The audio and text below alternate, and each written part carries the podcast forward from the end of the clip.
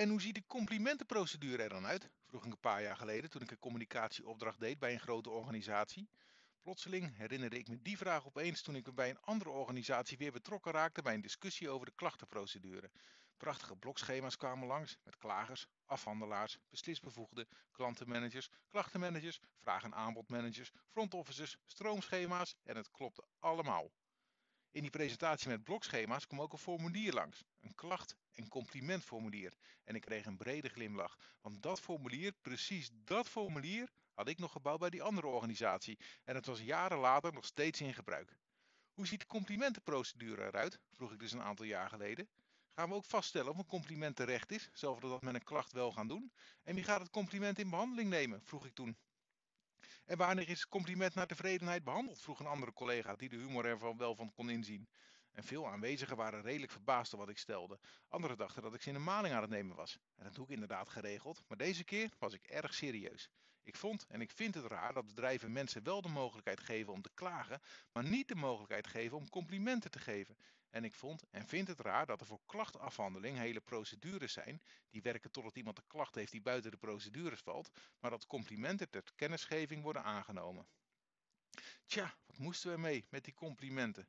Voorleggen aan de klankbordgroep dan maar. Natuurlijk stond het op de agenda als bespreking klachtenprocedure en ik had dus een heel verhaal voorbereid over complimenten en het belang daarvan voor het goed functioneren van de organisatie.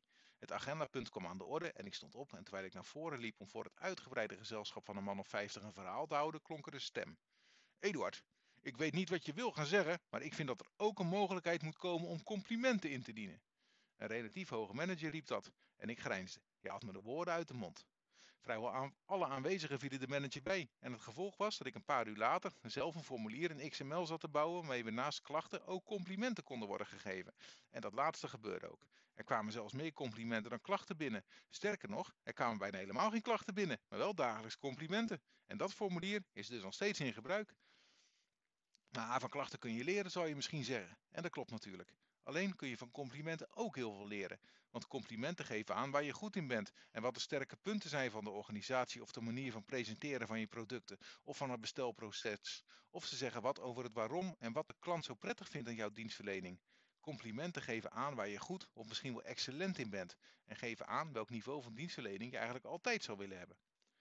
Klachten gaan, holder bolder, vaak door van de eerste aanspreekpunt naar een hogere manager of speciale klachtencommissie, want klachten moeten serieus worden genomen. En daarvoor zijn processen bedacht, waardoor het soms tot een week of twee weken duurt voordat het klachtenproces intern is doorlopen en de klacht uiteindelijk naar tevredenheid van de organisatie is afgehandeld. Dat hoeft dus niet per se naar tevredenheid van de klant te zijn, terwijl dat juist essentieel is. Vaak kunnen klachten al afgehandeld worden als een eerste aanspreekpunt begrip toont voor de klacht en kijkt of hoe hij of zij die klacht van de klant echt kan gaan oplossen. Meteen, direct, zonder moeilijke procedures. Maar dat wordt vaak tegengehouden, juist door die procedures, waardoor de klant alleen maar meer ontevreden wordt. Maar waarom is er bij diezelfde bedrijven niet zo'nzelfde proces voor een compliment?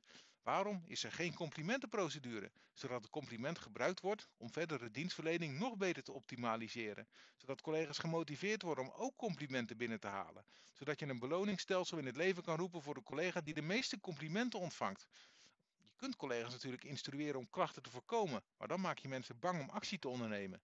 Je kunt collega's ook instrueren om klanten tevreden te houden en dan zullen ze wel actie ondernemen. Actie gericht op goede performance in plaats van actie gericht op het voorkomen van slechte performance. Dus, hoe ziet jouw complimentenprocedure eruit?